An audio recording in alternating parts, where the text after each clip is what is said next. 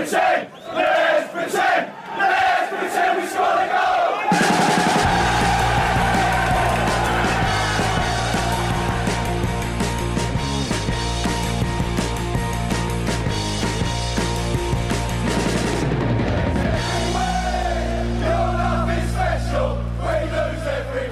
Hej och välkomna till Premier League-podden. Mattias Löngren sitter här och pratar. Kalle Karlsson och Patrik Bränning sitter på andra sidan. Kalle Karlsson, fo total fokus på eh, dataskärmen. Är det eh, Karlbergs kommande motståndare som scoutar stenhårt? Nej det kan jag inte påstå utan jag försöker komma in här på Daily Mail men eh, det är just nu är det så kallad stod- badboll på min... eh, Därför står Karlbergs BK matchrapport stort över hela din skärm i Ja men det är den här eh, svenska spelrapporten man måste skicka. Det är inget, det har inte någonting med motståndarlaget att göra. Ah, Det okej. handlar bara om mitt eget lag. Om vi hade varit sponsrade hade vi där kingat hem pengarna på, Jaha, tyvärr gör inte spelbolag. Det var ju otur. Men jag kan skicka den här ljudfilen till dem så kanske vi kan få efterhands Köra någon Percy Nilsson efterhands, eh, efterhandskonstruktion av, av att vi har ett avtal. Eh, jag, ska börja, eh, jag tänkte vi ska börja med en bild som du twittrade vidare igår, körde vidare, Manchester United drog upp den först. En spelare som helt plötsligt dyker upp på en A-lagsträning som man inte har sett på länge. Jag ska när vi kör en bild i podden, det känns jävligt starkt. Men det kommer trycka vidare så folk förstår. Ja, jag, jag, förstår, jag förstår vart du är på väg. Ja, jag kan tänka mig. Ja. Du är ju kvicktänkt. Ja, nej men den gode Bastian eh, Schweinsteiger tränar ju med Manchester United igen för första gången igår. Och sen blev det ännu roligare när han gick på eh, deras välgörenhetsgala på kvällen och eh, hamnade bredvid José Mourinho på scenen vid det stora fototillfället. Och det är några som uppmärksammat att det, ser lite stelt ut när de står där. Så, Något stelt. exakt, så det kanske var därför Mourinho bjöd in honom till träningen för att liksom eh, ändå smörja honom lite inför välgörenhetsgalan som han uppenbarligen skulle på den, den rike tysken. Han hade väl grejer att, att donera. Det är intressant ändå att han bjuds in till träning igen. Är det med tanke på att höja värdet inför januarifönstret där han såklart kommer att säljas ut till högstbjudande. Eller om det handlar om lån. Eller är det för att man eh, anser att truppen behöver honom i ett läge nu när resultaten inte går med dem och han ändå är anmäld i Premier League-truppen. Ja, alltså han, han var väl ganska tydlig själv med att han inte kommer gå till någon annan klubb, att han vill avsluta karriären i United. Så om man ska tro honom, vilket man ju inte alltid ska göra, då får vi ju stryka de två första alternativen. Vi ska väl inte avfärda dem helt för det, för eh, man förstår ju att United kanske har en annan agenda. Men i så fall är det väl eh, för att han helt enkelt ser att det finns värden i honom i truppen igen nu. Det måste ju vara så. Han är ju fortfarande på lönelistan och någonstans får man väl hylla Mourinho tycker jag för att han sväljer sin stolthet. För det är ju han som ser dum ut nu när Schweinsteiger helt plötsligt är tillbaka i truppen. När han skickat honom ner i reservlagen ner till ungdomslaget och sen bort från ungdomslaget. Och på slutet fick han ju faktiskt köra själv med en personlig tränare. Han hade ju inte ens ett lag att träna med. Och, och, och, och bara, bara dagar innan var han ju stoppad från att fortsätta, från att spela träningsmatcher också. Ja, han har inte göra fått någonting. Nej, och han har fortsatt liksom lägga upp bilder från han besöker arenan när det är matcher och säger good luck guys på Twitter och verkligen kört hela, hela the good guy grejen. Så att han har ju varit stjärnan här och Mourinho har ju varit boven. Så har det varit verkligen varit. Så det är ändå snyggt av Mourinho att svälja den stoltheten och ta tillbaka honom. Om man nu ser någon, någon, eh, något värde i honom, vilket han uppenbarligen gör.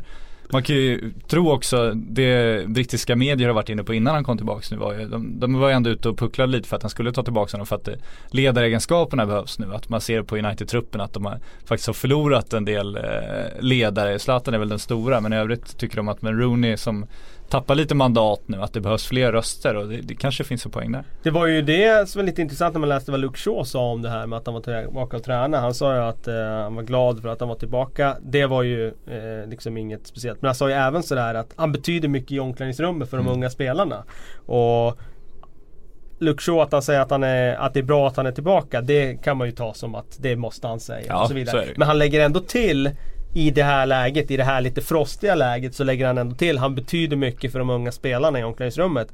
Det antyder tycker jag, han hade inte behövt säga det. Mm. Han hade kunnat stoppa och sagt punkt vid Det är kul att han är tillbaka, punkt. Men han la ändå till det. Det antyder ändå att jag tror att han har en viss, alltså eh, ett visst inflytande eh, som ledargestalt liksom. Så att, eh, och jag tycker ju, det har vi pratat om tidigare, det pratade vi om i en podd för för länge sedan här. Ja, jag, jag tänkte tycker att det. han även fotbollsmässigt. Ja, jag tycker fotbollsmässigt att det finns en en eh, plats för han i en trupp. Därmed är det inte sagt att han ska starta varje match. Men jag tycker definitivt att det finns en plats för han i en, eh, i en trupp i United som fortfarande har problem på centralt mittfält.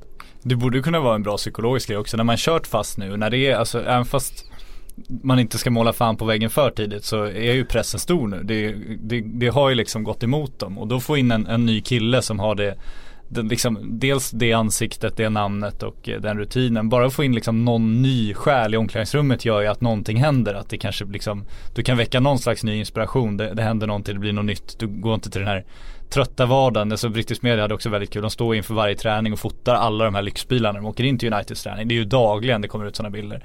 Och den senaste spaningen var att alla såg helt nedslagna ut när de körde in till träningen igår. Det var liksom, jag vet inte vad de ville, ville göra av det. Men de måste ju ha någon slags rubrik på det här bildspelet varje dag. Men han kanske, det kanske var lite roligt för dem då att få in någon som ändå kunde komma in med ett leende och inte ha liksom haft ansvar för den tunga perioden nu. Nej, han kan ju onekligen inte behöva bära någon skuld över vad som har hänt. Han kommer ju verkligen in eh, för att om det, för att om det vänder nu också, om han får en chans och så bara vänder det totalt nu, då jäklar. Ja men alltså det har ju hänt. Nu har jag inget så här, eh, exempel så här, direkt i huvudet som bara poppar upp men eh, det är ju inte liksom unikt att spelare är totalt satta i kylan i frysboxen och sen på grund av en skada eller på grund av någon yttre omständighet tas till nåder igen, kommer in, levererar och så är alla glada. Ja. Det har hänt förr. Om jag kastar ur med namnet Moses eh, som inte varit exakt lika kall eh, kanske men ändå varit, ska han verkligen vara här? Ja den känslan har det ju varit. Har han någon framtid i, i Chelsea? Ja. Så är det ju. Och den har han väl nästan... Eh... Som ytterback. Den har han tryckt in nu. Ja verkligen. I en ny roll där alltså en wingback eller yttermittfältare 3-4-3 eller 5-2-3 vad man nu vill. Han har i alla fall spelat väldigt, väldigt bra i den rollen. Och det är alltid intressant med spelare som omskolas till den typen av roller. Vi hade en Ashley Young som gjorde den eh, eh, resan under van Schals första säsong där. Också en sån där, man kan dra parallellen där. En yttermittfältare som man aldrig har sett liksom som något annat än yttermittfältare. Som ändå tar det där steget ner och blir ytterback. Och eh, gör det så pass bra och så pass disciplinerat. Och på kort tid har liksom eh, lyckats pränta in försvarsspel och stå rätt i, i den där fembackslinjen som man gjorde nu borta mot Southampton i hela matchen. Eh, så imponerande av Moses och det känns ju som att Chelsea nu har eh, hittat sitt system. Han har gjort det som, eh, som eh, förbundskapten har försökt, försökt få Sebastian Larsson att göra. Eh, Inget ont om Seb Nej, ja men Sverige sig stolt och gå med på spela. Vilket stick från Spela på backen. Han har alltid sagt att han aldrig vill och det känns inte som han ger 100% där heller. Kan jag tycka. Det gör han såklart. Han ger, alltså, till Moses, gör han det. Om vi går tillbaka till Moses så är ju den där rollen är ju ganska tacksam också för att det finns ju alltid tre mittbackar kvar där som är kvar och täcker upp. Så att det är inte hela världen om man som wingback inte hinner hem. Det finns ju lite mer täckning bakom då jämfört med en fyrbackslinje. Jag tycker den passar väldigt bra för han. Och sen eh, får man ju säga att eh, Mac Kanté som täcker så extremt stora ytor ja. så blir det ju, ja då klarar man ju av att spela två manna mittfält där inne. Vilket andra lag har väldigt svårt att göra. Eh, så det har blivit liksom en synergieffekt av det här systemet. Att dels få de där mittbackarna som har känts otrygga Eh, Eh, bättre täckning. Eh, Alonso och Moses passar bra på de här wingback-rollerna. Kanté får göra det han är bra på, pumpa upp och ner och täcka stora ytor. Och Hazard har fått en mycket friare roll och var fullständigt briljant tycker jag mot SA-15 senast. Det var gamla Hazard i den matchen. Ja, inga tyglar på Hazard, det verkar vara en bra grej. Nej, det, han ska ju ha frihet och uh, kanske lite mandat och fuska i defensiven ibland. Då är han som allra bäst. Uh, det, just det i sig är ju inget som uh, går ihop med Contes liksom filosofi. Där ska man inte fuska någonting.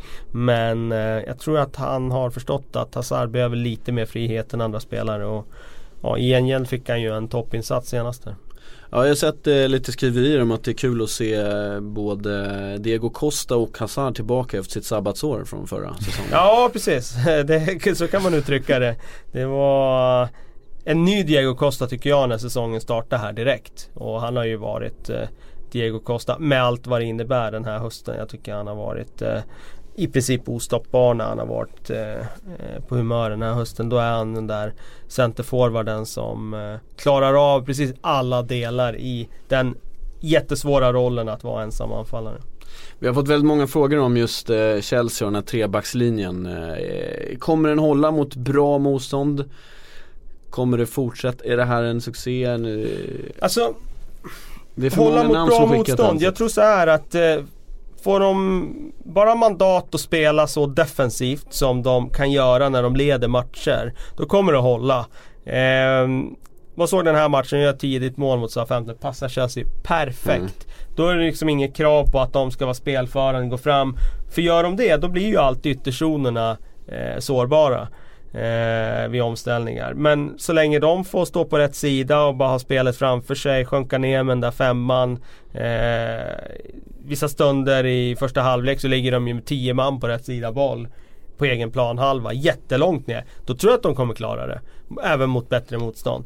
Men det finns ju alltid en risk att de hamnar i underläge från början mot bättre motstånd. Och då passar det inte bra, anser jag, att ha den här eh, liksom riskminimerande taktiken. Eh, då tror jag att det kommer att ställas andra frågor om de ska gå fram med sina yttrar. De blir mer trebackslinje än fembackslinje. Eh, då tror jag att de kan bli sårbara för omställningar, ja. Klassisk italiensk, svinbra vid 1-0, livsfarligt vid 0-1. Ja. Du, det är du som säger jag det. Jag generaliserar som vanligt. Ja, jag men, nu, men. jo men generalisera. Samtidigt är det sådär så din, din eh, liksom bild av det här kommer ju någonstans ifrån och mm. jag hävdar att de där klichéerna de är klichéer för att de är sanna.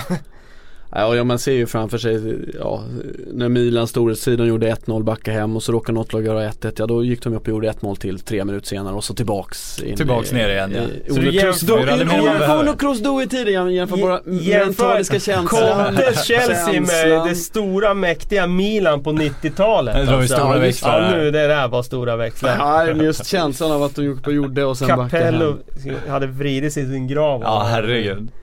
ja, nu ska vi se, vi har, vi har fått väldigt Svettas mycket sina ryska rubel fortfarande.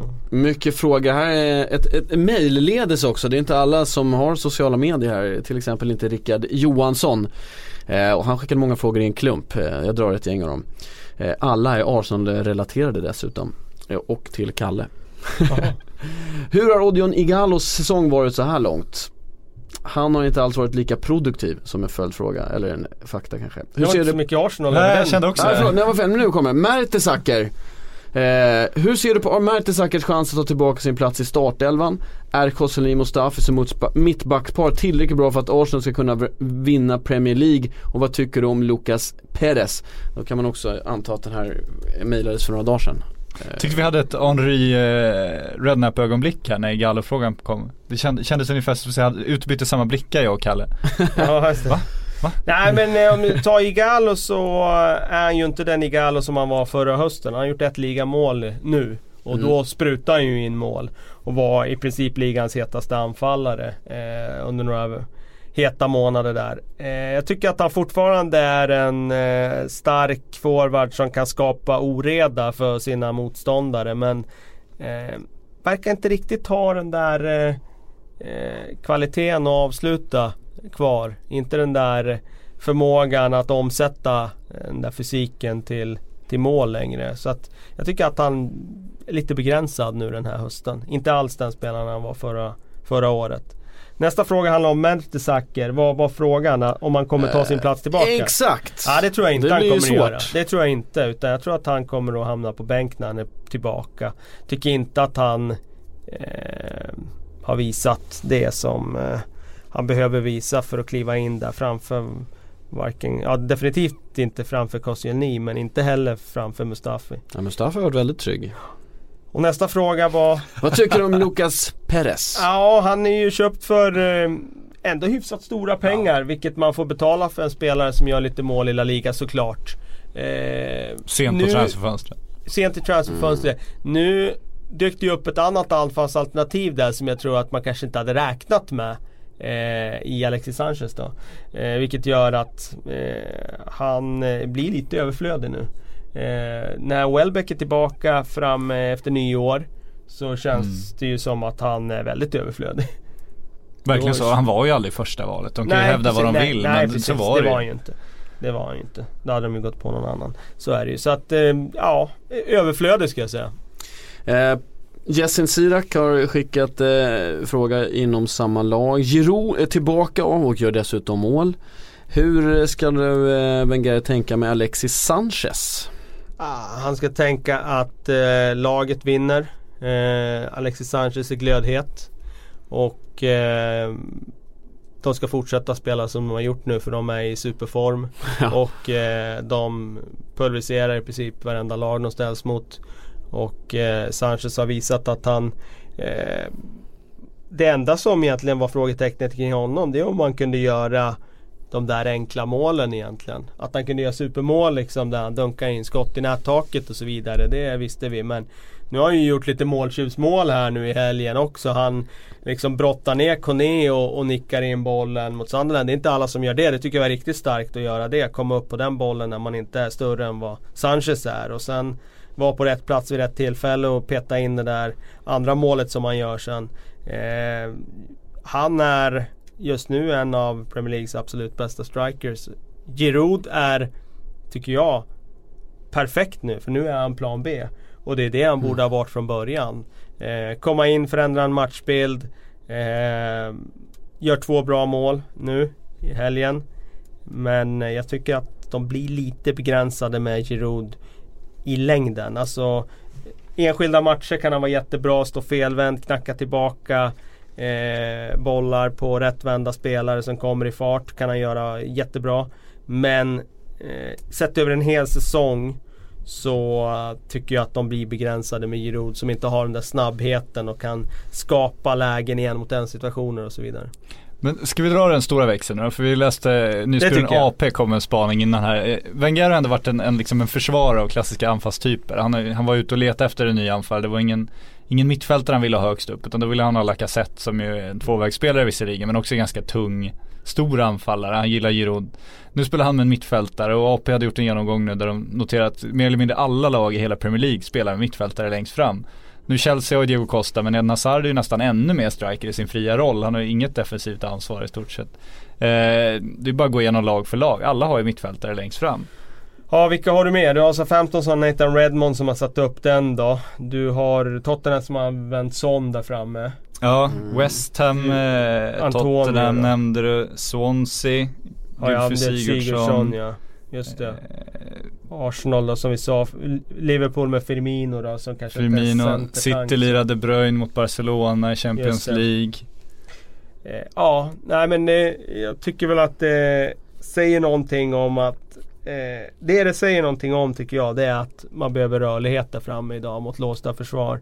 Och en ytter som kommer fram, man bidrar med den där snabbheten och rörligheten som eh, kanske inte en mer stationär central anfallare gör. Typ Giroud. Eh, så jag tror att Många har sett att med en rörlig anfallare så det kanske inte är han som gör alla målen men det öppnar för andra och de får bättre effekt av det. Jag skulle tro det. Sen eh, just i Citys fall där med De Bruyne då var det ju en taktik som var specifik för att komma ner på mittfältet och bli övertaliga där. Eh, den ska man nog inte länka samman Men han pratade övriga. väldigt tydligt om att han ska utveckla Agüero. Senast idag så pratade Pep om det. Att han, han är väldigt, väldigt bra men jag vill göra honom ännu bättre. Han, han saknar uppenbarligen liksom delar i hans spel.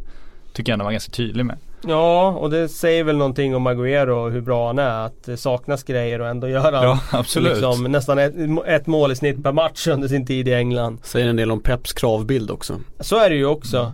Eh, men eh, man kan ju ändå se det där någonstans att Agüero har en potential som inte ännu riktigt har uppfyllts. Alltså han, är, han har ännu lite mer att, att göra vilket som sagt understryker bara hur, hur skicklig han är. Men du säger att det, det behövs den rörligheten men kollar man internationellt de lag som går bäst i Europa har ju liksom eh, centrala anfallare. Bayern München har en, en tydlig anfallare då. Visserligen rörlig absolut men en anfallare. Ja, men där har du det. De har ju de spelarna som dessutom är rörliga. Om du tar Suarez, han har ju Mm. de där egenskaperna för att vara ytter. Eh, som har den där rörligheten och då får de ut det de vill få ut. Eh, vilka lag tänkte du mer på? Eh, du kan ju ta Lewandowski, Bayern sa vi, vi kan ta Atletico Madrid, Gamero spelar väl som topp nu mer eller mindre, också rörlig absolut. Ja, men där har du rörligheten. Ja. Det är det som är grejen. De har använt eh, vår vän eh, eh, Griezmann där uppe. Mm. Och vad vill de få då? Jo, rörligheten. Eh, Real, om du tar Benzema. Igo- Higuain så är ju han Higuain. också väldigt, väldigt rörlig. Ja. Cavani är väldigt, väldigt rörlig. Eh, vem sa du? Benzema? Benzema. Ja, kanske inte ja, rörlig men inte liksom extremt rörlig. Eh, men det är klart han, han har andra egenskaper. Han är ju eh, väldigt bra avslutare så att han kanske klarar sig på det. Men jag tror att just nu så är man inne i en period där man står inte och lyfter bollar in mot straffområdet. Så du behöver inte den här stora targetspelaren som står och nickar ner. Utan du vill istället ha den där eh, snabba spelaren, rörliga spelaren som kommer in med rätt löpningar med timing. Men då ska Ibrahimovic göra? Exakt, den ofrånkomliga frågan. Ja men sen har du ju spelare som Ibra då som har spetsegenskaper som gör att han eh, såklart har sitt värde ändå. Eh, sen är det klart att eh, Svårt att säga liksom vad som ger bäst effekt för ett lag. Det kan man inte veta. Det kanske hade varit bättre för Manchester United idag, Alexis Sanchez längst fram än att ha Ibra längst fram. Eller Martial eller Marcus Rashford. Som är ändå är rörligare ja, får man ja, säga. Ja precis, exakt. Och det där blir ju intressant att se nu om det skulle hamna i ett läge här framöver där Zlatan går mållös eh, några matcher till och Rashford skulle komma in och Uniteds anfallsspel skulle bli mycket bättre av det. Jag tycker att Rashford har eh, Han har så mycket fart och han har så mycket smartness i det han gör och kan utmana och dyka upp på rätt ställe så att jag tror att han Eh, han skulle skapa problem som Zlatan i nuvarande form inte gör för sitt motstånd. Men re, rent taktiskt då, om man inte jämför spelare för spelare. Tror du att United skulle, också skulle må bra av att ha en mer rörlig anfallare? Ja, jag tror alla lag skulle gynnas av det. Och det är därför så många lag tittar efter just det.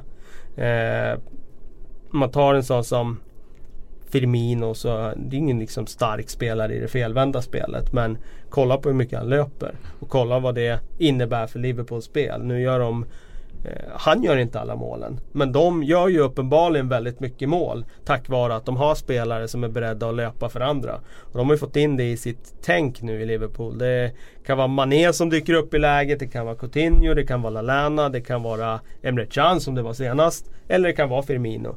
Så jag tror att eh, det här är vad många tittar på. Det har liksom blivit en följd av att du möter mer och mer disciplinerade försvar som är mer och mer samlade. Eh, de är mer samlade idag än vad de var för 10 år sedan. De är definitivt mer samlade än vad de var för 15 år sedan. Och det här ställer bara högre krav och då behöver man ha spelare som är ytterligare lite bättre. Hur, skulle du, hur ser du på Harry Kane då? Han, eh, där har vi ett lag som, eh, inte, han har ju till ett lag som onekligen saknar honom enormt mycket. Ja. Med det sagt så har de fortfarande inte förlorat den här matchen. Nej precis, det, och det säger väl någonting. Men det är klart att de saknar sin Harry Kane, det är ingen tvekan om det. Men Alltså Harry Kane löper ju väldigt mycket. Sen kanske man har schablonbilden av när man ser att han är den centertank-typen. Men han är ju inte den stationära centertank-typen som bara står felvänd och, och ska nicka ner bollar. Utan inte så mycket ju, muskler på kroppen. Nej han är ju väldigt, väldigt eh, löpvillig. Så att eh, han har ju de egenskaperna. Sen tyckte jag man såg på Tottenham när en sån som Son kom in där framme. Vad han rörde om. Eh, just för att han är ännu mer rörlig. Mm. Eh, och just i Sons fall kanske den rörligaste spelaren av alla egentligen. Peter Crouch förs jag osökt in på för det kommer en följdfråga ja, till dig alldeles strax. Ja, rörliga forwards. Ja. Där har du ju en eh, spelartyp som som kanske inte, som är lite utdaterad. Som behöver en anfallspartner som man kan eh, synka med, som man kan nicka ner till och så vidare. Men då har du ju problemet att ska du spela med två forwards då tappar du någon annanstans i plan istället. Det är inte så många som är beredda att göra det. Eh, och där, därav så tror jag inte att just Peter Crouch-typen kommer att vara de närmsta åren nu den forward som lyckas bäst. Men uppdatera, det är han på, eh, på internet. Jag tar fråga, är han bäst på Twitter är han, eller är han världsbäst på Twitter? Alltså om, om Ronaldo hade varit ironisk på Instagram och Twitter då hade han varit ett geni. Ja. Då hade han slagit Peter Crouch. Tyvärr är han ju inte det och det drar ju det Peter Crouch nytta av. Det innebär att han är sämst. På... Exakt, och det gör ju att Peter Crouch tveklöst är bäst. Men han är rolig på Twitter alltså? Ja, men han, det du vill komma till ja, är ju, Ronaldo vek ju ut sig mer eller mindre. Han gör, gör reklam för någon ny jacka i någon kollektion eller vad det är. Och när man ska visa en ny jacka det innebär ju att man ska visa så lite som möjligt av jackan och så mycket som möjligt av sin överkropp. Ja just det, men han Det visar tvärtom. Ja, Nej, ja, Peter, det. ja, sen gick Peter Ja, Crouch ut och sa Så jackan att, är ju ändå eh, med på bilden. Jackan är med på bilden men, Men det är ing, ing, inget under jackan. Nej det är mer av Ronaldos överkropp än själva Ja, jackan på det, bilden. det var ju sjukt roligt. Peter Crouch går ut och lovar att eh, göra en invitation av det här Ja, nu det om det skulle bli se. en sociala medier-succé och det har det blivit så att vi väntar på Peter Crouch Oh. Ja, man sitter och väntar på uppföljning. Jag kommer inte ihåg det- hur många, eh, ah, skrev han? Nej han specificerar inte så att han, Nej, vill, han ville bara ha lite spridning och det har han fått. Så nu väntar vi på Peter Crouch eh, rekonstruktion av eh, Cristiano Ronaldos eh, utvikningsbild. Ronaldo la ut en skoreklam igår också där han låter en tjej mer eller mindre snigla honom i nacken eh, av någon anledning. Kan man också titta på om man tycker det är roligt. Ja, om man eh, vill kolla längre ner på bilden så finns skorna också. De Ja. är också med fast Ja. väldigt, väldigt långt ner. I utkanten av bilden. Utkant. Ja, bilden, men precis innan man, precis klarar sig från beskärningen av, Ja, av så, bilden. nej, men i Getting engaged is a moment worth cherishing. A one of a kind ring that you design at Blue Nile can help your love sparkle. Just choose your diamond and setting. When you've found the one, you'll get it delivered right to your door. Finding the right engagement ring can be nerve wracking. At Blue Nile, you'll have the expert guidance needed and a diamond guarantee that ensures you're getting the highest quality at the best price. Cherish all of life's moments and save up to 30% at BlueNile.com. That's BlueNile.com. denna värld av färdigproducerade tweets så är ju Peter Crouch faktiskt ett föredöme. Så att, eh, jag gillar att du tar upp honom här bara så att vi får hylla honom för ett par sekunder. Ja men det ska, man ska Han kanske har en framtid inom fotbollen då, som twittrar åt andra Exakt, fotboll, han är- åt han är- rätt forwardstyper. Ja han är modern på ett helt annat sätt. Ja. Ja men det gäller alla sätt, det gäller nog alla sätt. Men jag tror vi kommer få tillbaka de här centertanksen. Om vi, kör, om vi nu kör Men vilka man hade vi förut alltså när Zlatan kom fram? Jag tänker, Karsten ändå... Janker hade vi förut. Ja men han är, han är ändå en, eh, liksom en, en produkt av sin tid. Vilka var det han konkurrerade med? Vilka var hans för, Han hade ju Ronaldos förebild. Han var ju rörlig på ett sätt. Men Oh. är det Ja, Klose? han vad hade vi för tanke liksom? Nja men tanken känns som Oliver Bierhoff liksom Ja, så. ja. Men jag menar Ja, Zlatan, det. det är svårt att dra in han i det där för han är ju unik med sin, sitt spelsätt. Alltså det är sällan du har en så stark spelare som har den tekniken Nej, som han det har. ju. Och där, det- jag vill inte dra in han i att han är någon slags Men det vill centertank jag. utan, ja men det vill inte jag. Han är ju inte en centertank i den liksom. Nej men eh, brist på rörlighet, det är väl där vi är liksom. Ja och men jag är mer såhär, eh, ja okej då. Men jag menar såhär centertank det är någon som bygger på spelet på fysik liksom. Ja, Zlatan jo, jo. bygger ju sitt spel på teknik ska jag säga. Eh, så att, eh, ja men det fanns ju mycket centertanks på den tiden. Alltså sådana här riktiga eh, tunga forwards Ja. liksom. Eh, Långa bollar på Bengt. Ja men det var ju den typen av eh, starka forwards. Alltså, ta Stoke bara för några år sedan. De levde ju kvar lite i det här. De hade liksom Ricardo Fuller, Cameron Jerome, eh, Peter Crouch, John Walters. Det var liksom deras forwardsbesättning. Det var ju bara skogshuggare. Rörlighet. Liksom. Ja, men stora, starka, eh, hit and run liksom. Ja vi saknar, jag saknar bara en Pippo Inzaghi som inte behöver göra något defensivt utan bara ska ligga på linjen hela matchen också. Även Den de typ saknar på linjen. Ja men den, den, Ja, den forwardstypen är ju också utdaterad. Ja. Det, är ju, det är ju ganska uppenbart. Det är ju rätt många som eh, eh, minns den spelartypen från Mm. 90-talet. De gjorde mål men de gjorde inget mer. Alltså, är det något lag i Premier League idag som har råd att ha en sån spelare? Alltså man kan tänka på en sån liksom måltjuv som Charlie Austin. Men där har du ju också en spelare som, jag tycker hans allround-spel är, Ja. är bättre än vad han får credit för. Alltså han tar emot, sätter ner, kan vända spelet. Eh, nej, jag, jag, jag kan inte se en enda forward i Premier League idag som bara är på plan för bara göra mål. Jag kommer inte på någon nu. Alltså Nej, bara måltjuvsmässigt. Men det obehagliga är ju att det går ju verkligen mot att det kommer vara 11 liksom fysiska monster som kan allt som spr- springer runt liksom. Alltså 11 Gareth Bale på ett sätt. Det är ju Men så- någonstans där vi kommer landa. Absolut, men så blir det ju om du ska utveckla sporten. Ja. Och en Eh, målvakt. och jag menar, Ja. dra tillbaka 50 år och titta på den utveckling som har skett så har ju allting förbättrats. Ja. Så det kommer ju vara så även framöver. Att allting för att liksom flytta gränserna framåt så måste du hela tiden förbättra fysik och du måste förbättra teknik och du måste förbättra egentligen allting. Men man Då kommer ju sakna mittbacken som bara kan sätta upp en, ett uppspel på fjärde raden på läktaren liksom. Han kommer jag ju sakna. Jag kommer ju sakna Pippo Inzaghi, jag kommer ju sakna John Koller och liksom. Men, det, men det, det kommer ju finnas plats för den försvararen fortfarande som du säger. Men då måste man vara ännu bättre på alla andra grejer. Då Jo måste man precis, vara så bra det är det som är så på... vidrigt. Nu kan ju inte ens målvakten vara en målvakt längre. Nej men om du tar den där mittbacken som du minns som satte upp de där uppspelen på familjeläktaren liksom. Då, eh, redan på den tiden så var ju han, hade ju han egenskaper som var väldigt bra inom någonting. Ja, För annars ja, hade han ju ja, inte varit på plan absolut. såklart. Han var bra i luften. Ja, Han stod Precis. rätt och han höll, höll hårt i tröjan. Men, men eh, Pippo Inzaghi, anledningen till att man minns honom också är ju inte bara det att han, att han gjorde mål utan det var ju hans gl- alltså hans vilja, absolut, gränslösa absolut. glädje. Oavsett hur han har gjort det här målet, blir han skjuten i ryggen och den studsar in i mål, det är hans mål. Det är Gör- gör- 100%! Gör Jon Dahl Tomasson målet så är det ändå Pippos Ja, mål. ja, ja, Han springer själv och firar, absolut. Ja, man gillar ju ändå det när det var Pippo alltså. Ja, ja, ja, Just för att han var så otroligt glad. Han, han hade ju en, en nivå till på sitt eh, Men det var någon slags passion i det ändå som man gillar. Ja, jag håller med. Ja. Ja men det, det, här är Även så... om någon lagkamrat hade dragit 10 man och lagt in den till honom som stod i mållinjen och petade in den. Så jag gillar det ändå. Jag håller Och med. så armarna utåt, fladdrar med händerna Ja, och bara exakt, springer och ska ha allt. Men- har vi någon har- som ens är i närheten utav det?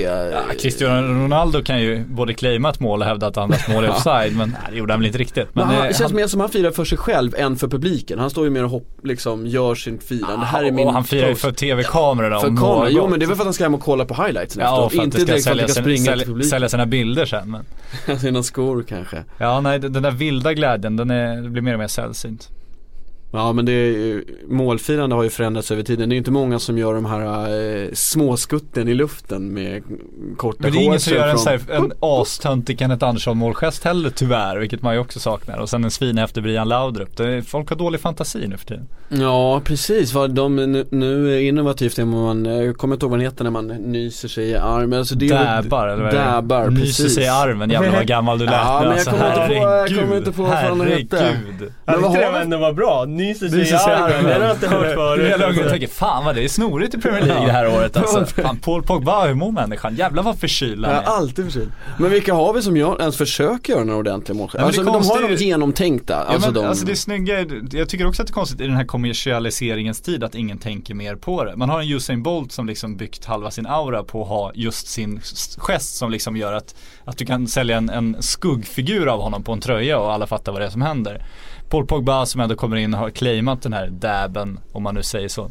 Eh, det kan jag ju förstå, men till och med Niklas Skog liksom eh, insåg ju på sin tid att fan släng det stenhårt rätt med eh, nunan i gräset så, så, så kommer du bli lite berömd för det. Kenneth Andersson fick sin, Thomas Brolin fick sin. Issa Manglin ska vi inte glömma bort. Han hade ju en väldigt speciell målgest som jag minns med glädje.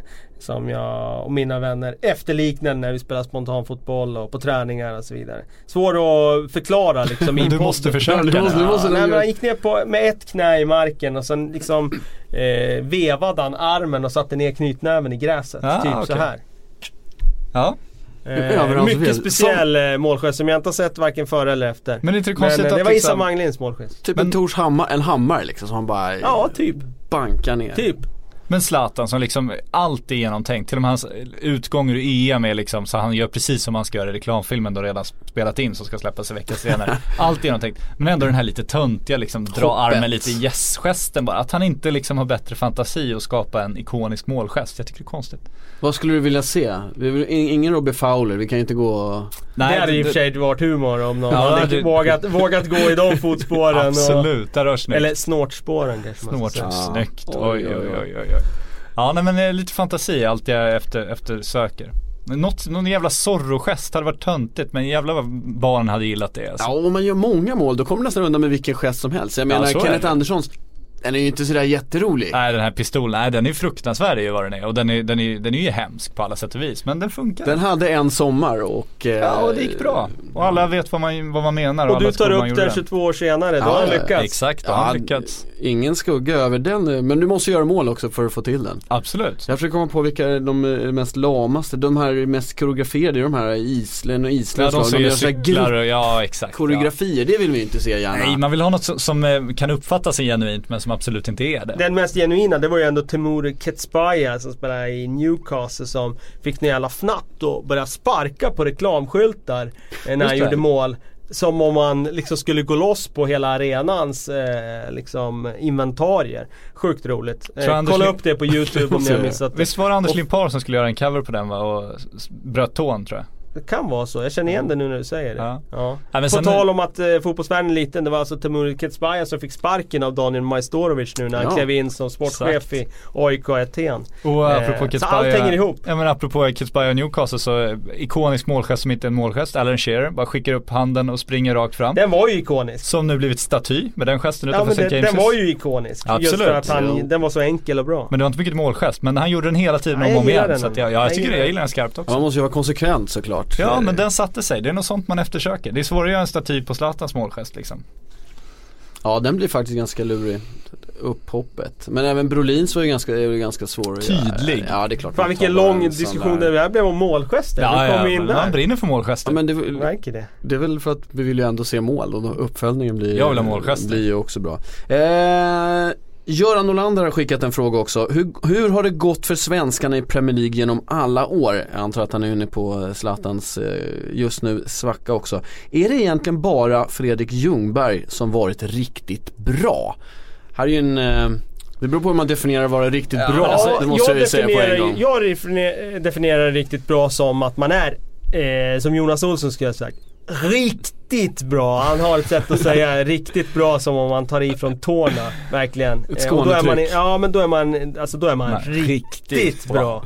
Eh, och ehm, Ja, då tycker jag faktiskt det bara är Ljungberg. Eh, Anders Limpar hade sin storhetstid före Premier League blev Premier League. Och eh, jag tycker inte det är någon annan svensk som har nått upp i den nivån. Eh, Jeppe Blomqvist var ju ändå, Nej, jag tycker hade, inte hade det. en roll i ett rätt bra lag ja, det hade han. Men eh, jag tycker inte, nej det går inte att Inte Mellberg. bra. Nej, nej eh, bra, han var bra.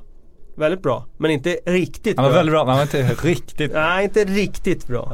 Ja. Eh, så nej, jag, jag tycker nog bara det är Ljungberg som eh, har nått den nivån av svenskar. Eh, Men det är väl inte bara Premier League, den går väl att lyfta större. Alltså hur många svenskar har vi haft som gjort avtryck i La Liga som varit riktigt bra? I La Liga, ja nej, det, det är inte många. Det är inte många. Serie A absolut, eh, den här 94-gänget var ju några som var där och vände och hade, hade roligt. Men riktigt bra. Ja, Zlatan har ju varit riktigt Ja, bra, varit riktigt i, bra i där. Serie A, det är ingen tvekan om det. Ehm, och sen har vi några som är lite äldre också som har varit Thomas, bra Thomas eh, Man kan Brolin gå tillbaka i till- Serie A. Ja, Ja, man kan gå tillbaka till Granoli och sådär, absolut. Ja, Men om men- vi tänker Premier League-eran, om vi tänker motsvarande Ja, period så har vi ju inte Nej, så det är jävla inte så många där många. heller. Nej. Ja, om, vi, om vi tar en som var riktigt bra i Serie A då, Brolin men som kanske inte var riktigt lika bra i Det här är ju Premier League, ja, sådär. Men, men- var riktigt, riktigt bra i cupvinnarcupen va? Ja, eh, men Stefan Schwarz gjorde några säsonger. Han gjorde väl någon säsong i Arsenal, det var inte mer än så Nej men han kommer tillbaka där senare till ett annat. Ja, Sunderland ja. Eh, stämmer. Men nej, det, jag vill inte nämna honom på den nivån. Vill Mattias. Svensson då? Då gillar jag ändå Klubbikon i alla fall. Eller hur? Mikael Svensson tycker jag var Ja. eh, liksom den i så fall som var tyngst av de där andra svenskarna. Ja, han fick ett riktigt bra rykte där kan man Ja säga. det var ju synd att han gick sönder där för hade han Ja, inte gjort det det. då tror jag att han hade kunnat etablera sig som en riktigt bra Premier League-back. Ja. Jag gillar det här betygstrappan. Kan vi stryka de här plussen nu och börja jobba med riktigt, Riktigt bra! Då istället? handlar det bara om hur, hur mycket man betonar riktigt. Exakt så. Men ingen kan betona riktigt på samma sätt som Jonas Olsson när han säger det. Ringa Då är, det, då är det på allvar, då är det riktigt, Riktigt bra. bra. Ja, det låter som den som redigerar den här eh, podden, alltså jag, får gå ut och leta upp ett litet Du måste eh, hitta Jag måste hitta ett facit som Ja, vi trycker ut här i, Ja. i hur det ska låta. Ett, eh, ett riktigt bra lag kan det vara riktigt bra. Kan det bli riktigt bra. Några som inte har börjat eh, riktigt bra eller riktigt bra. Eh, Sunderland, det är flera, många har ställt frågor eh, angående Sunderland. Bland annat Daniel Angergård eh, och Magnus Hermansson. Blir detta säsongen Sunderland åker ut? Kan Sunderland stanna kvar även om en ny tränare kommer in? Hur tidigt blir Sunderland klar för Championship? Sista Ja. frågan mest relevant. Ja, Pang, pang, pang! Ja verkligen, det var bra. Bra liksom, han eh, sydde ihop det fint Ja, på slutet för att han Väldigt, svarade väldigt nästan på frågan själv där. Ja, det var tre Eh, som ställde frågorna, jag Ja klumpade okej, upp dem. ah, okej, det var så det var. Ja men så här va, jag har ju dömt ut lag som har bör- börjat risigt här eh, flera gånger senaste åren. Och sagt att det är kört, det är mission impossible. Det var Crystal Palace, så kom Pulis in där. Det var eh, Sunderland eh, och sen kom Sam Allardyce in där. Så jag vill inte. inte längre vara den som eh, liksom slå fast att det är kört. i Sunderlands fall så har jag ju trott att de ska åka ur de senaste typ tre åren. För att ingenting där har ju pekat på någonting som att de skulle vara på väg i rätt riktning. Så har de på något Houdini-sätt lyckats eh, kravla sig ur det där och klara kontraktet. Och jag har sagt att det vore nästan bättre om de åkte ur, fick börja om eh, på ny kula och liksom rensa ut och bygga nytt. Men eh, jag tycker inte de har tillräckligt med kvaliteter idag i truppen. Eh, jag är inte sådär jätteentusiastisk över David Moyes idag. Eh, jag tror att han eh, efter Manchester United eh, debaclet så tror jag att han eh, tappar lite av sin aura. Eh, jag tycker inte det finns någonting som talar för att de skulle klara sig kvar idag. Eh, men det är klart att det finns andra plankor i den här ligan. Jag tycker inte Hull ser speciellt eh, bra ut. Swansea ser riktigt svaga ut. Då har du två lag där som Ja, man behöver kan åka till. ur. Sen behöver man ett lag till. Det kan vara eh, Är det Jonas Olsson kanske? Nej det, tror, nej det tror jag inte. Jag tror inte Pulis åker ur det. det Nej inte med, han är riktigt bra. Han är riktigt bra på att klara sig kvar med lag. Och Kan vi få komma med en glädjande rapport från Sunderland? Föra. Deras eh, officiella Twitterkonto en timme igång.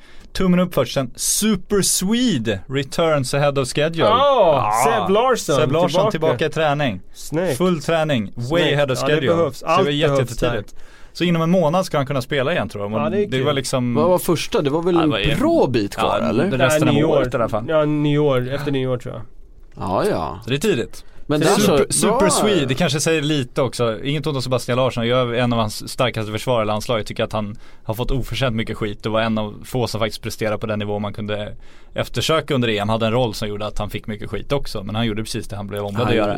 Men när man presenteras som Super Swede då säger det ändå lite om vilken roll, eh, eller vilken position i tabellen Sunderland är i. Sunderland det, är det är i, inte ja. Larsson som kommer gå in och vända hela skutan. Ja, Så svårt- känns det, svårt känns att Det se säger det. också att vi borde ha nämnt honom i den förra diskussionen kanske om svenskar som verkligen Det är lyckas. Hur många ja, det har fått väl inte gjort super riktigt. sweet? Men hur många Ja. har fått det super sweet? Nej. Det kanske är därför han är en Super Swede, för att det inte är så många svenskar som lyckas också. Ja, så. Nej. Nej men det, känslan är ju att de eh, De kommer få riktigt, riktigt tufft att klara sig kvar i, Riktigt, i, i Premier League den här tufft. gången. När inte ens Kone kan hålla ihop det där bak, vilket han inte kan nu för tiden. Ja, men så hemskt när man ser Defoe Jag fick liksom. en fråga om honom också Corné. Jo men, ja, ja, jag kör köper, du. Nej ja, men rulla på. Då snor jag. Men Defoe, det känns, man, jag sa ju det förut för något år sedan. Fan, värvar man Defoe då stannar man i Premier League för att han kommer göra målen. Men han kommer inte ens in i straffområdet nu när man ser Men Sunderland vad spela, har han liksom. för service i det där laget? Ja, ja, nej, Alltså, men det är det- som han får inte en boll i straffområdet. Nej, I ett bra lag, då tror jag att Defoe hade varit klockren. För han kommer alltid Ja. göra mål om han får lägen. Men här är det liksom springa runt med de där nissarna liksom. Ursäkta. Men alltså, det, i- med Premier League-mått mätt så har de ju ett material som är långt ifrån Ja. eh, Premier League. Mässigt så att eh, det känns bara rimligt om de åker ur det här året. Jag, som sagt, jag har sagt det de tre senaste året att, mm, åren att de kommer åka ur. De har klarat sig kvar. De klarade sig kvar i våras med eh, nöd och näppe och tack vare att Big Sam kom in och spelade enkelt och rakt. Eh, ja, jag tror inte ens det räcker den här gången. Så nu har jag slagit fast att de kommer åka ur. För fjärde året i rad. Ja. Ja men bara man håller på tillräckligt länge så till Exakt, slut ja. så, så Sen, sen kan du säga, så redan 2010 att de skulle ryka. Det Ja, var, ja precis. Det är som de här experterna som uttalar sig om att eh, bostadsmarknaden ska krascha. De har sagt det sedan 1985. Ja. Och sen nu om den skulle krascha och gå ner 10% liksom. Då kommer de säga ja men jag har sagt det hela tiden. Ja Ja. visst men du sa ju sedan 1985 att det är väl så ner. Sun jobbar med transfernyheter Ja också. men va? ungefär så. Ja, den har gått ner Svingar man 10%. tillräckligt länge så då, då sitter den. sitter den. Ja det stämmer, det har bara gått upp 100% sen du sa det första gången, Ja. eller 1000% Men visst 10% mer senaste, senaste året. Du var inne på uh, i Kone, var, var vi, nej vem var Ja vi? Lamin Kone var vi inne på. Precis, vi har fått frågor om, vad är det, var, är det för att han inte har fått lämna eh, som han spelar så här? Har han liksom, har han gett upp?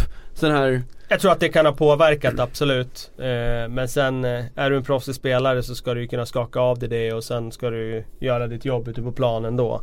Men jag tror absolut det kan ha påverkat. Sen, jag menar Can't blame him. Alltså bli kvar i. Sunderland i det där sjunkande skeppet när han hade kunnat fått en drömflytt till eh, någon annan klubb och casha in nu när han gjorde en bra säsong och så vidare. Eh, jag förstår ju om man, har om man är lite bitter. Det kan jag faktiskt förstå. ja vi har fått lite önskemål om att fokusera lite på eh, lagen längre ner också. Hall har vi ju varit inne på, de, de Ja, dansade en tre matcher, eller Ja. tog sina poäng de fyra matcherna i början där, tre av Där finns Där. inte så mycket tillägga Nej, just det är ju nu. som det är. Däremot när det gäller Swansea, där tycker Där, jag ja. ju att eh, det är intressant. För att eh, Eh, Swansea är ju inte Swansea längre. Jag såg matchen igår här och känslan är ju att de eh, har försökt att styra bort från the Swansea DNA eh, genom att ta in eh, andra spelartyper, eh, bli mer inläggsbaserade de senaste åren och så vidare. Och eh, jag tycker inte mig se eh, Swansea så som jag lärde mig att gilla Swansea när de kom upp i Premier League. Det här spanska kortpassningsspelet och så vidare längre. Utan jag tycker att de är ett lag som, som vilket som helst annars. Och nu har de bara ett intetsägande bollinnehav som går ut på att bara spela i ofarliga ytor. Och de känns väldigt svaga. Jag kan, jag kan för mitt liv inte förstå hur de kunde sälja Ashley Williams i somras. Utan att liksom försäkra sig om att de som kunde få in en ersättare av den digniteten. Varför ens sälja honom? Nej, alltså, hela grejen för mig var, var ju, Nej nej nej absolut, nej precis. Och det är det jag menar att redan från början så borde de ha förstått att vi kan inte få in en spelare av den här klassen. Han har varit där i 8-9 år, lagkapten, gjort ett super-EM. De fick ju inte massor med pengar. Det var rykten om honom tidigare. Då har ju det spekulerats i summor på 25 miljoner pund för honom. Nu säljer de honom för 12 miljoner pund.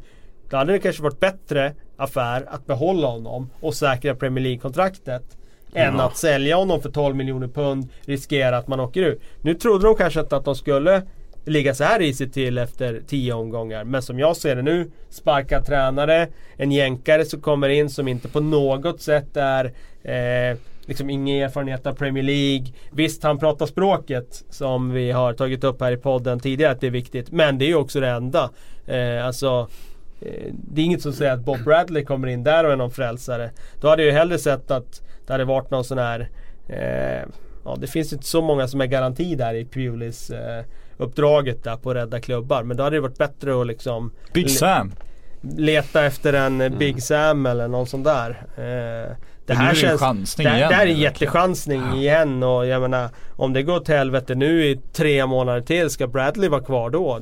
Så han har ju ja, inget då, mandat då. Nej, nej. nej, det här kändes inte bra alls. Eh, och jag tycker att eh, Nej, eh, det, det känns oroväckande i Swansea faktiskt. Eh, tillbaks till toppen istället. Arsenal-Tottenham. Eh, ja, vi var nere och kollade lite snabbt där. Arsenal-Tottenham vad tror vi där? Nu ska jag också säga en som en liten väg in i det här att eh, eh, One on One Great Goals har plockat fram statistiken här på Arsenals eh, sämsta poängmånad med Wenger och den är i november. Det är nu de plockar minst poäng. Ja, det där här är de brukar tappa. The November curse. Exakt, 1,6 poäng har de eh, snittat i november under Wenger totalt. Och det är med marginal den sämsta. Nu visar jag upp en graf här eh, som inte hjälper er mer än att man också kan notera att om de hade på högskoleprovet. Kan att det du säger är sant här. Ja men om vi har på högskoleprovet kan man också notera att de inte börjar från noll. Så att den är inte helt Nej nej. Den är eh, effektsökande. Ja exakt. Mm. Eh, men det är ändå 0,3 poängs per match i, under hela månaden som man tappar. Och det är där man tappar ligaguld till exempel. Ja. Och det kan man, har man inte råd att göra den här. Inte en sån här jämn säsong. Då har de inte råd att dippa. Nej det blir ju lite som en sån där lite självuppfyllande profetia om man liksom matas hela tiden med att man är svag i november. Då, blir, då sätter sig det där i huvudet. Och jag tror att i Arsenals fall har det gjort det. I alla fall tidigare år har det liksom blivit som nu kommer vi till november, vi är alltid svaga i november. Nu får vi skärpa oss i november och då blir det liksom motsats, mm. motsatseffekten av det. Eh, den stabiliteten de har visat upp nu säger mig att eh, de inte ska drabbas av det här Novembers nu. November. Ja, alltså att det är liksom eh, De är tillräckligt bra nu. Samtidigt så skulle jag erkänna här att jag har ju trott att Arsenal ska behålla den här stabiliteten de senaste två, tre åren här. Nej, inte alla av de åren kanske men det har funnits tillfällen de senaste två, tre åren där jag känt att Arsenal har varit riktigt, riktigt bra. Haft något på gång. Och så har de kommit in i de här perioderna. Antingen i november, där de eh, brukar tappa. Eller så har det kommit i, efter nyår där, där de eh, framåt mars börjar, februari, mars där börjar tappa. Är det skadorna förklaringen? Den gamla tröttsamma eller varför tror du att det är just november? Väldigt svårt att bedöma det. Väldigt svårt att säga det faktiskt. Vad tror du om Tottenham då? Vi säger där, Tottenham är obesegrade. Det är ju inte så att de får en mjukstart på november den här gången heller. Utan det Nej, blir det är ju rakt ett, in i eh, elden. Kanske Harry Kane tillbaka då, beroende ja. på hur pressade Tottenham känner sig. Superintressant match såklart. Eh, hemmaplan för Arsenal bör betyda att de är ändå favorit med, vad ska jag säga, närmare 70% i alla fall. Ja, jag är med dig. Avsträcken ska de nog ha i alla fall. Och sen ska det väl vara några streck på kryss och så ska det vara några få på Tottenham. Ehm, med den formen de har så sätter jag, mitt, eh, sätter jag min tro på Arsenal. Mm, vi var från diagram till procent, matematiska tider här. Han, Eh. vet, han kan ju sin tippning också.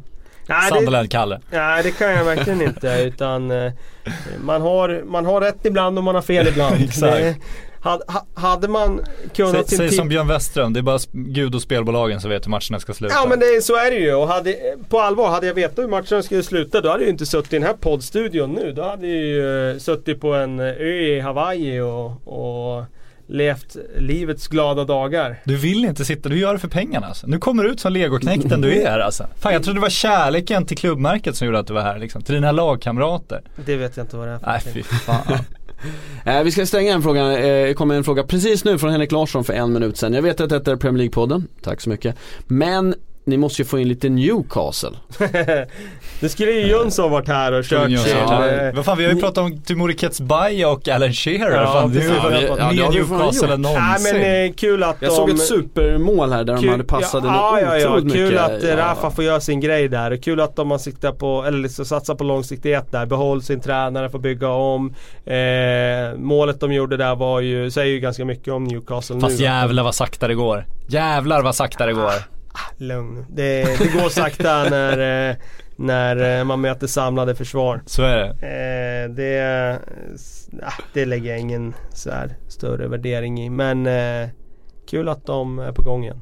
Ja men Premier League behöver Newcastle. Jag tycker det är, Man vill ha det, nordliga laget med de galna fansen som, som Och så är, vill man ha Jönssons rants här inne i vill man, vill ha Mike Ashleys bara totala oförmåga att driva en fotbollsklubb. Så att eh, Det är en färgklick i, i ligan. Absolut, upp att, med eh, Newcastle. Definitivt vill vi ha dem tillbaka. Ja vi får väl se hur det går, det ser ju bra ut nu i alla fall helt enkelt. Eh, med det säger vi tack, stort tack för att ni lyssnade, tack Patrik och tack Kalle för att ni kom hit igen och förgyllde rummet.